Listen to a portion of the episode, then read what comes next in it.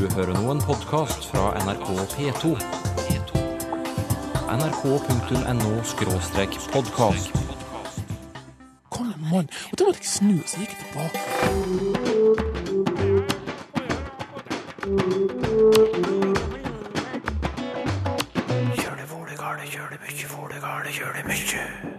Hæ er et ord vi bruker mye for å reparere setninger. En av fordelene er helt klart at det er så kort, og det kan sies eh, veldig fort. Altså det krever ikke mye anstrengelse. Rogalendinger har en spesiell måte å spørre på. Om du har god tid nå? Om jeg kan spørre deg om noe? Nå oppfører om seg mer som et ord som man setter foran en påstand for å gjøre det om til et spørsmål. Du skal snakke om kokekar i dag, Sylfest Lomme. Hvilke da? Kjele og kasserolle. Ja, eh, hva er forskjellen? Kasserolle har skaft, Og kjele har håndtak eller øre. Akkurat. Men så kommer vi til gryte, og der er det mye artig. Da gleder jeg meg til slutten av sendingen. Hæ? Hæ? Hæ? Hæ? Hæ? Hæ?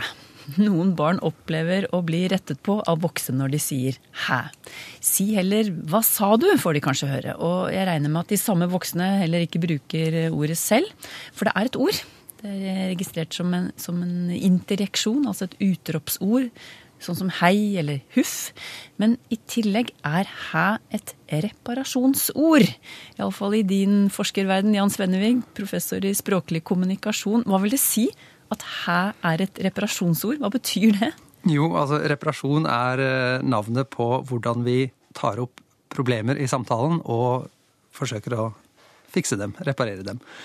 Så for å fikse et problem, så må man først identifisere det.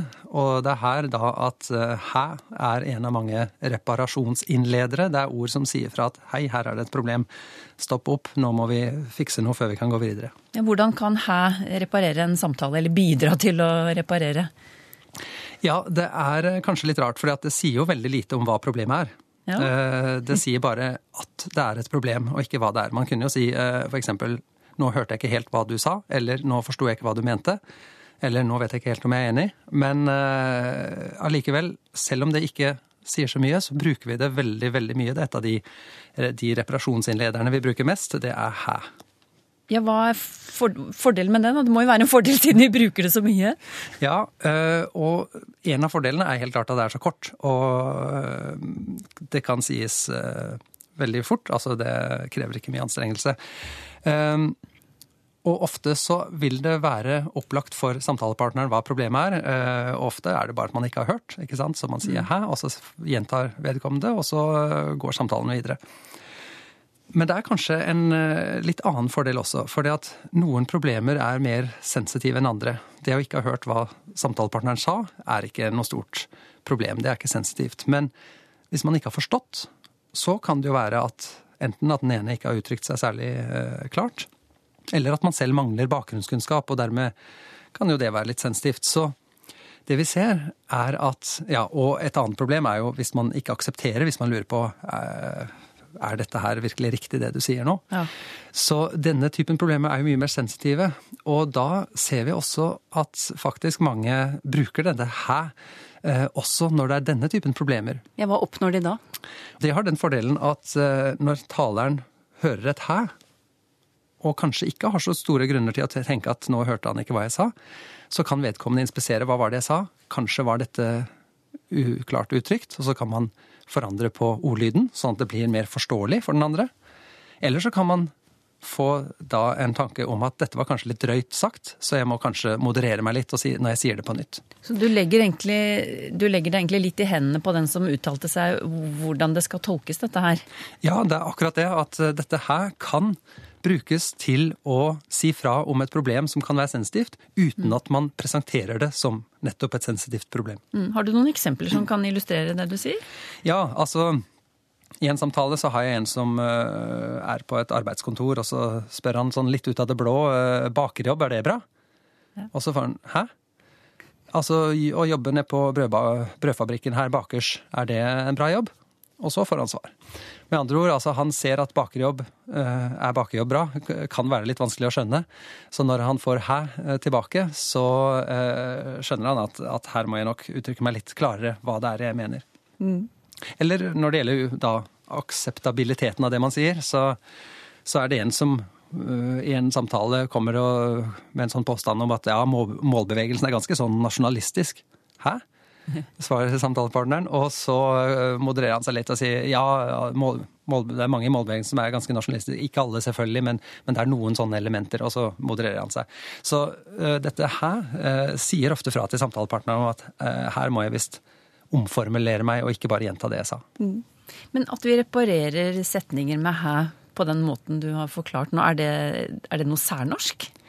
Nei, det er så utrolig langt fra særnorsk. Eh, Det har vært en studie nylig ved Max Planck-instituttet i Nederland, eh, hvor de har undersøkt eh, hæ og lignende ord i 21 urelaterte språk fra alle kontinentene i verden. Og der finner de altså at så godt som alle disse 21 språkene har et hæ-lignende ord. Hø, hå, a. Sånne ord. Enstavelses. Eh, ord som er relativt, altså i munnen, eh, artikulert et sted hvor omtrent der eh, tunga ligger når den er i ro. Så det er på en måte et ord som er designa for å sies når man ellers lytter, og dermed ikke har eh, munnen i særlig eh, mye bevegelse. Det er litt mer merkelig at, at det fins i så mange språk, og at det ligner på den her lyden vår, da. Det er akkurat det det, det er. og og eh, det rare er også kanskje at de fleste, altså nesten alle disse språkene hadde nettopp et valg mellom et spørreord, sånn som vi har, hva, eller denne mer interaksjonen hæ. Um, og det, det sier jo noe i hvert fall om at eh, delvis at det er et universelt behov for et sånt ord, men også selve formlikheten er ganske slående.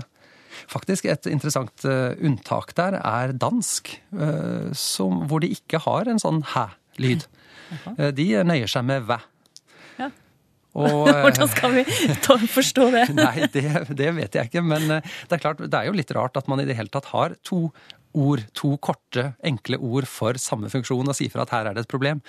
Eh, Så det er kanskje rarere at så veldig mange språk har nettopp denne vekslingen mellom et spørreord og en interaksjon.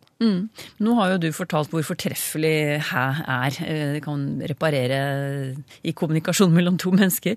Så hvorfor er det slik at noen av oss unngår å, å bruke hæ, og kanskje også retter på barn som sier hæ? Hva, hva er det med dette ordet som gjør at noen av oss ikke vil ta i det? Jeg vet ikke om det er så mange, men eh, ja, min, eh, mitt barn ble rettet av sin bestemor for, for det. eh, Særlig kanskje fordi hun sa det veldig sånn 'hæ?' Eh, Men eh, jeg tror kanskje at eh, det ligger en slags ideologi om at dette her er et sånn grynt eller stønn mer enn det er språk, og at man skal uttrykke seg eh, da i finere former med 'hva sa du' eller 'unnskyld' eller noe sånt. Eh, Så det, er, det har jo faktisk også vært språkvitere som har eh, klassifisert dette ikke som et ord, eh, men som ikke-språk. Så det er klart det er kanskje noen som har hatt tvilt på om dette egentlig kan kalles språk. Men Jan Svennevig han forsvarer hæ som et nyttig ord. Og Svennevig er professor i språklig kommunikasjon ved Universitetet i Oslo.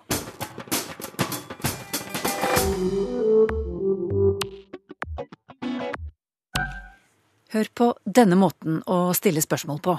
Om du har gode tid nå, eller om du har hatt gode middag i dag. Om jeg kan få en? Om jeg kan spørre deg om noe? Om du har tyggi. Om du har en penn til låns. Om du kan, om du har. Slik bruk av om som spørreord finner vi i rogalandsdialekten. NRK Rogaland tok opp dette temaet tidligere i vinter, og på Språkteigens Facebook-side førte det til stor aktivitet. Folk ville annet vite hvorfor rogalendingene begynner spørsmålene med om. Her er én teori. Men egentlig så er det vel en sånn forkortelse på, på den, hele den setninga hva om Eller um, at det er en sånn, egentlig en forkortelse. Ja, kanskje det er en forkortelse? Stig Rognes, du har skrevet masteroppgave om spørresetninger i rogalandsdialekten. Og kan det være en grei forklaring, det vi hørte her? At man egentlig skulle sagt 'jeg lurer på om du kan sånn og slik', men så har man sløyfet 'jeg lurer på' og står igjen med 'om du kan sånn og sånn'. Både ja og nei. Det er nok i hvert fall en- opprinnelse i den spørretypen at man sier 'jeg lurer på om', og så sløyfer man den delen, og så står man bare igjen med 'om', Ja. så. Ja. Sånn ser det ut ved første øyekast. Men hvis man ser litt nøyere etter, så er det noe med plasseringen av adverb i disse spørsmålene som gjør at det ikke stemmer helt. Ja, eh, Kan du gi et eksempel på et spørsmål med adverb, bare sånn at vi vet hva det er snakk om? Ja, ikke, for eksempel. Eller ikke. Mm. Om vi har ikke kaffe, for eksempel. Om vi har ikke kaffe. Ja, Det, det er den, den rekkefølgen ordene kommer i når man spør meg om.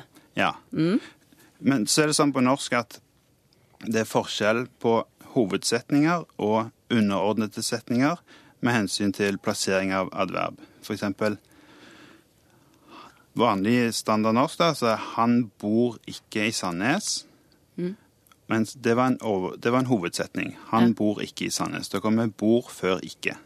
Mens hvis du har den samme setningen som, som et underordna spørsmål, Ja. så får du 'Jeg lurer på om han ikke bor i Sandnes'. Jeg lurer på om han ikke bor i Sandnes. Der kom 'ikke' før 'bor'. Da, da har ikke flyttet på seg. Ja. Ja, så, Og da bare for å gjøre det helt klart, for det her forklarte du meg på telefon i, for, i forkant. Jeg må bare innrømme at jeg ble helt fortvilet. det var så vanskelig. Men, men eh, jeg lurer på. Det er hovedsetningen i denne eh, setningen, da. Helt riktig. Og om han ikke bor i Sandnes, det er ja, leddsetningen, eller underordnet setning. Ja, Leddsetning, underordnet setning, undersetning. Ja, det, ja, ja. Og det du sier er at da kommer adverbet foran verbet, altså ikke kommer foran bord, fordi dette er en underordnet setning. Ja. Ok, så noen andre eksempler her. eh, eksempel, ja. Jeg lurer på om du alltid reiser på hytta i ferien. Hvis du skulle gjøre om det til en sånn omspørsmålssetning, da vil det bli Om du reiser alltid på hytta i ferien? Ja. Så da har reise og alltid byttet plass. Ne- Ja. Jeg lurer på om du aldri spiser frukt. Mm. Og da ville du si Om du spiser aldri frukt. Da har de byttet plass. Akkurat. Ja, så vi, altså det, Poenget her for deg er at du tester ved å sette inn et adverb, og da, i disse omspørresetningene, da, da har det byttet plass med verbet. Ja, og da ligner det mer på en hovedsetning enn en underordnet setning. Ja. Så det er ditt argument for å komme til det, for at dette eh, kanskje ikke er eh, bare snakk om å sløyfe 'jeg lurer på'. Ja. Om. Jeg, jeg lurer på. Blant annet. Mm. Ja. Det er en teori, det her, da. Ja. Litt eh, Ikke sånn helt enkel å gripe, men eh, vi skjønner at det har noe med plassering av verb og, adverb å gjøre. Ja. Og at det blir en slags sånn test på om dette er en hovedsetning eller en undersetning. Ja. Mm. Eh, Men hva kan da forklaringen være på denne måten å spørre på? Med om, som vi har hørt eksempler på. Vi kan jo se for oss en utvikling der om har gått fra å innlede underordnede spør- spørresetninger til å innlede eh, hovedsetninger og selvstendige spørsmål, sånn som vi så i stad. Ja. Og kan si at nå oppfører om seg mer som en spørsmålspartikkel, altså et ord som man setter foran en påstand for å ja, gjøre det om til et spørsmål, på en måte, men beholde den eh, setnings, ordstillingen som man har i en hovedsetning. Ja. La meg ta et eksempel. Påstand 'Vi har kaffe'. Ja. Vi har kaffe. Sett det om foran. og vi har kaffe, Mm. så får du et spørsmål. Ja. Og det er, ikke, eh, det er ikke noen endringer i rekkefølgen på noe som helst her? Nei, det var alt som før. Du har en vanlig deklarativ setning, som det heter. En Ja. påstand. Ja. Og sette om foran, og så gjør litt om på intonasjonen, da det er litt viktig. Og så får du et sånt spørsmål. Mm. Du, eh, noen få ord om bruk. I Mhm. hvilke sammenhenger brukes om i spørresetninger? Her er noen eh, tanker om det. Det, det spørs hva de skal spørre om. Ja. Ikke sant? De vil ha hjelp hjemme. Om du kan komme og hjelpe, om du vil hjelpe meg med det og sånne ting. Hvis jeg vil noen skal gjøre noe for meg, som å sende smør eller som å hente noe, og så da spør jeg om det er går greit, om du kan sende det. Ja, brukes eh, spørresetninger med om først og fremst når man vil være høflig? Jeg tror kanskje ikke det. Det kan godt være at det for all del brukes når man vil være høflig, men jeg mener at det brukes til så utrolig mye annet òg. Hva da? Om alt mulig til å spørre om, der man vil ha et ja eller nei som et svar. Eksempel var ingen av de eksemplene som jeg fant, eksempler på at noen ba noen om, om en tjeneste, eller der noen var spesielt høflige. Det var bare spørsmål om de lurte på alt mulig. Sånn om dere skal til Oslo, eh, om du liker mann som elsket Yngve, om vi skal opp med skolen, om det var ingen andre som hadde Bryne som postnummer osv. Helt hverdagslige ting. Ok, Så an anvendelig på alle livets områder. Ja, det kan du si. Men denne måten å spørre på, da, om, er det et nytt fenomen i rogalandsdialekten? Hva vet du om det? Ja, det er litt vanskelig å svare på, siden denne måten å spørre på stort sett er et muntlig fenomen, da, at det ikke blir så attestert i skrift og sånn. og men Det regnes som en syntaktisk innovasjon, som det heter. Men hvor langt tilbake er det vanskelig å si. Det er skrevet en bok i 1931 om syntaksen i Stavanger bymål, og der står det ingenting om det. Men jeg har funnet det hos Arne Garborg, og dette var verker fra 1922. Mm. Der er det flere eksempler på sånne om-spørsmål. Jeg kan lese noen av de. Ja, gjør det, gjør det. Om gutten døde i natt, kviskra hun og kom i gråt. Og om han kan stå, altså det siste, om det lett seg gjøre å narre den vonde. Så dette var fra Garborg i 20-tallet, og da kan det tyde på at eh, man i hvert fall har spurt på den måten i 100 år. Det sa Stig Rognes, som har skrevet masteroppgave om spørresetninger i rogalandsdialekten. Men finner vi denne måten å spørre på i andre dialekter også? I diskusjonstråder på Facebook nevnes noen steder i Vest-Agder og Hordaland. Skriv gjerne til Språkteigen om du vet mer. Det første lytterspørsmålet i dag kommer fra Odd Solvang, som vil vite forskjellen på gryte, kjele og kasserolle. Han går grundig til verks i undersøkelsene sine, for han har bl.a. også spurt produsenten Fiskars om dette. Og de svarer at det nok er mange oppfatninger, men deres definisjon er som følger. Gryte og kjele har ører, eller hanker da, og kasserolle har skaft. Og når folk diskuterer dette på nettet, kommer det fram enda flere definisjoner. Og nå, Sylfus Lomheim, er jeg spent på hva du vil si. Nei, du veit, jeg er temmelig sikker på at eh, det samme hva jeg sier nå når det gjelder å forklare eller eventuelt definere disse tre orda, at det er personer som vil være rykende usamt. Mm. Så eh, her tror jeg jeg aller først må si at eh, kjele og kasserolle og gryte er jo sentrale eh, termer for ein kokk og ein som er spesialist på matlaging og kjøkkenkunst. Og de kan godt ha sine faglege definisjoner av disse, som kanskje ikke heilt samsvarer med det jeg ville seie som allmennspråkbrukar, og som prøver å forklare hva disse orda kjem ifrå. Så eh, det må jeg ta som et lite atterhald eh, først. Jeg kjenner ikke den kokketekniske definisjonane på disse tre orda og korleis det er skiljet mellom dei. Men det eg kan seie om orda som ord og språk og historie, er følgjande. For det første er det Eg er veldig samd eh, i det du nevnde at eh, gryte og eh, kasserolle, var det det du sa, N?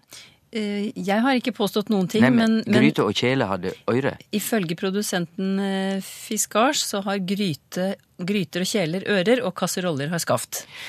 Det du nevnte der, det må jeg si jeg er veldig samd i, men da er ikke vi kommet langt nok i forklaringene. Altså at kasserolle har skaft, men medan kjele og gryte har øyre. Altså eh, små, små håndtak. Eh, Men vi bør si- seie meir enn det, for det er forskjell på kjele og gryte også. Vi kan ta kasserolle først. Det har vi fra fransk. Kasserolle. Det skriver seg fra ikke bare fransk, men, fra provansalsk, altså mer dialektprega fransk i Sør-Frankrike. Og eh, det igjen kjem fra et eh, latinsk ord kassa, som òg blir brukt om smeltedigel, og da er vi i retning av kokekar, der det smelter ting. Så kasserolle er iallfall sørfra på den måten, og det står at det bør ha handtak eller skaft som vi held det i. Og det kan vi jo tenke oss når det har vært så varmt som det har vært i disse kasserollene historisk sett, så bør det være et, et skaft eller et litt lengre handtak for å halde på dei. Da er vi ferdig med kasserolla. Så er det kjele og gryte. Kjele, det kjem fra latin. Catillus, som betyr et fat. Og fatet trenger jo ikke være så veldig flatt, det kan jo være djupt, men det er den historiske bakgrunnen for kjele.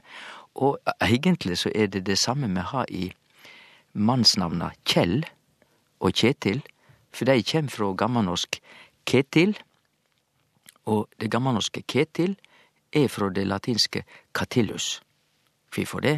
Jau, fordi at desse metallfata, kjelene, var så omtykte, og det var så topp høg teknologi med slike kjeler at det til og med vart brukt som guttenavn. Men det er kjele, faktisk. Kjell og Kjetil. Catillus, fat på latin. Og da er det metall det er snakk om. Men så kjem vi til gryte, og der er det mykje artig. For gryte, språklig sett, er ikkje laga av metall, men av stein.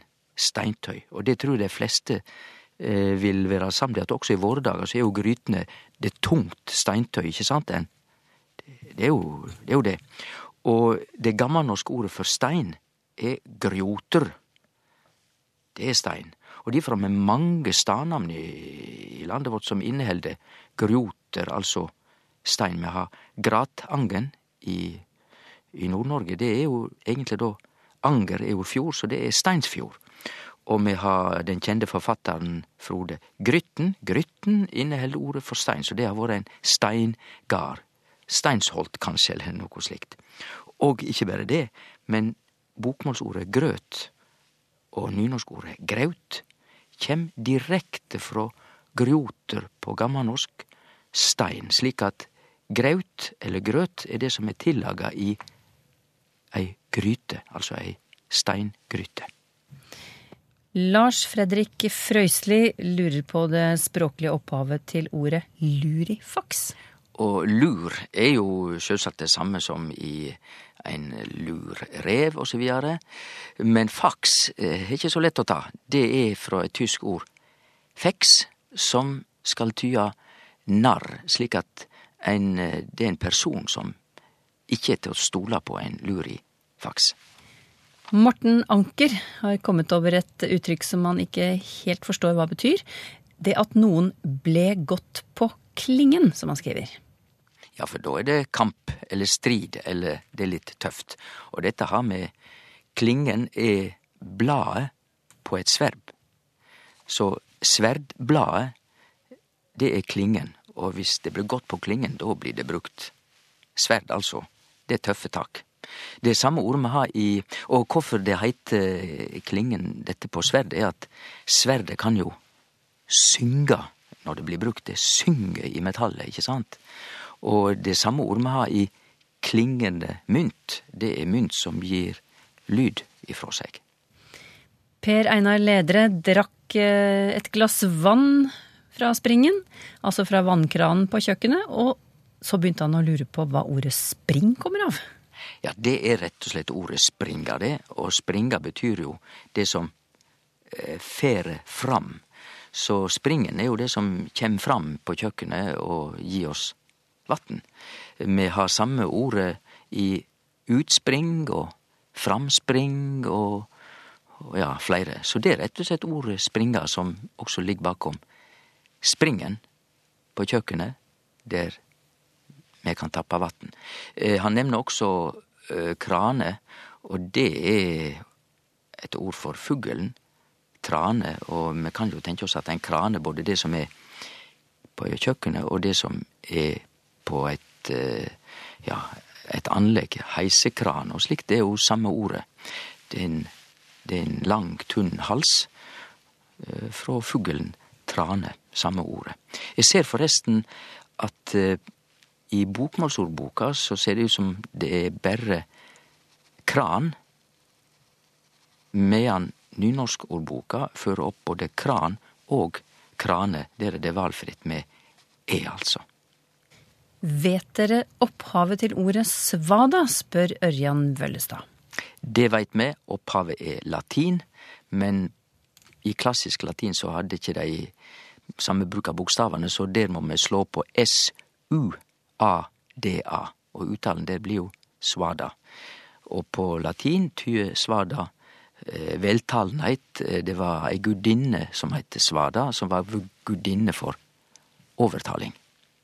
Men hvordan har et ord for veltalenhet kommet til å bety i vår tid? Noen som snakker bare tull og tøys og ja? Jo, men det henger nok sammen med at er du veltalende og prøver å overtale, så står du og preiker og preiker og preiker, og det er ikke så vanskelig å tenke seg at det har etter hvert nærmest blitt ordgyteri. Hei, Språkteigen, skriver Håkon Kvåle Bakke. Slavisk, som russisk, serbisk osv., snakkes av slavere. Er det noen forbindelse med ordet slave, altså trell? Det er faktisk det. Eh, de slaviske språka og, eh, som vi har i Øst-Europa, slavisk kultur, det er det samme ordet, historisk sett, som vi har i ordet slave. Så det er jo nesten underlatt til de som er opptekne av å være politisk korrekt og ikke diskriminerende, at ikke de har grepet fatt i ordet slavisk og slave på norsk. Men det henger vel sammen med at dette trass alt er gangbart over hele Øst-Europa, som jo er dominert av slaviske språk og slavisk kultur. Men opphavet er det latinske ordet sklavus, som tyder trel, og forklaringa er at eh, i hundreåra etter Kristi fødsel, den viktigste handelsvara i hele Europa, det må vi ikke gløyme, var rett og slett ikke verken uh, sølv eller gull, men det var menneske. De kjøpte og selde og fanga slavar. Og i Italia på 700- og 800-tallet så vart det vanlig å bruke ordet sklavus, slave altså, om de eh, folka og språka lenger øst, på Balkan og så videre, rett og slett fordi at det var så mange trælar som kom derifra. Har du spørsmål til Språkteigen?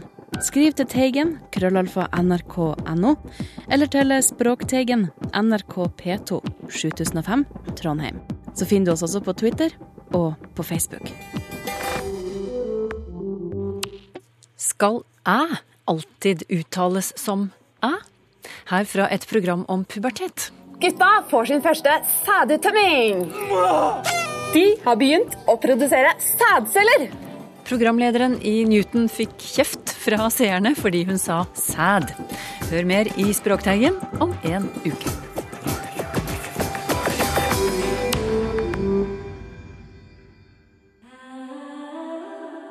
nrk.no podkast.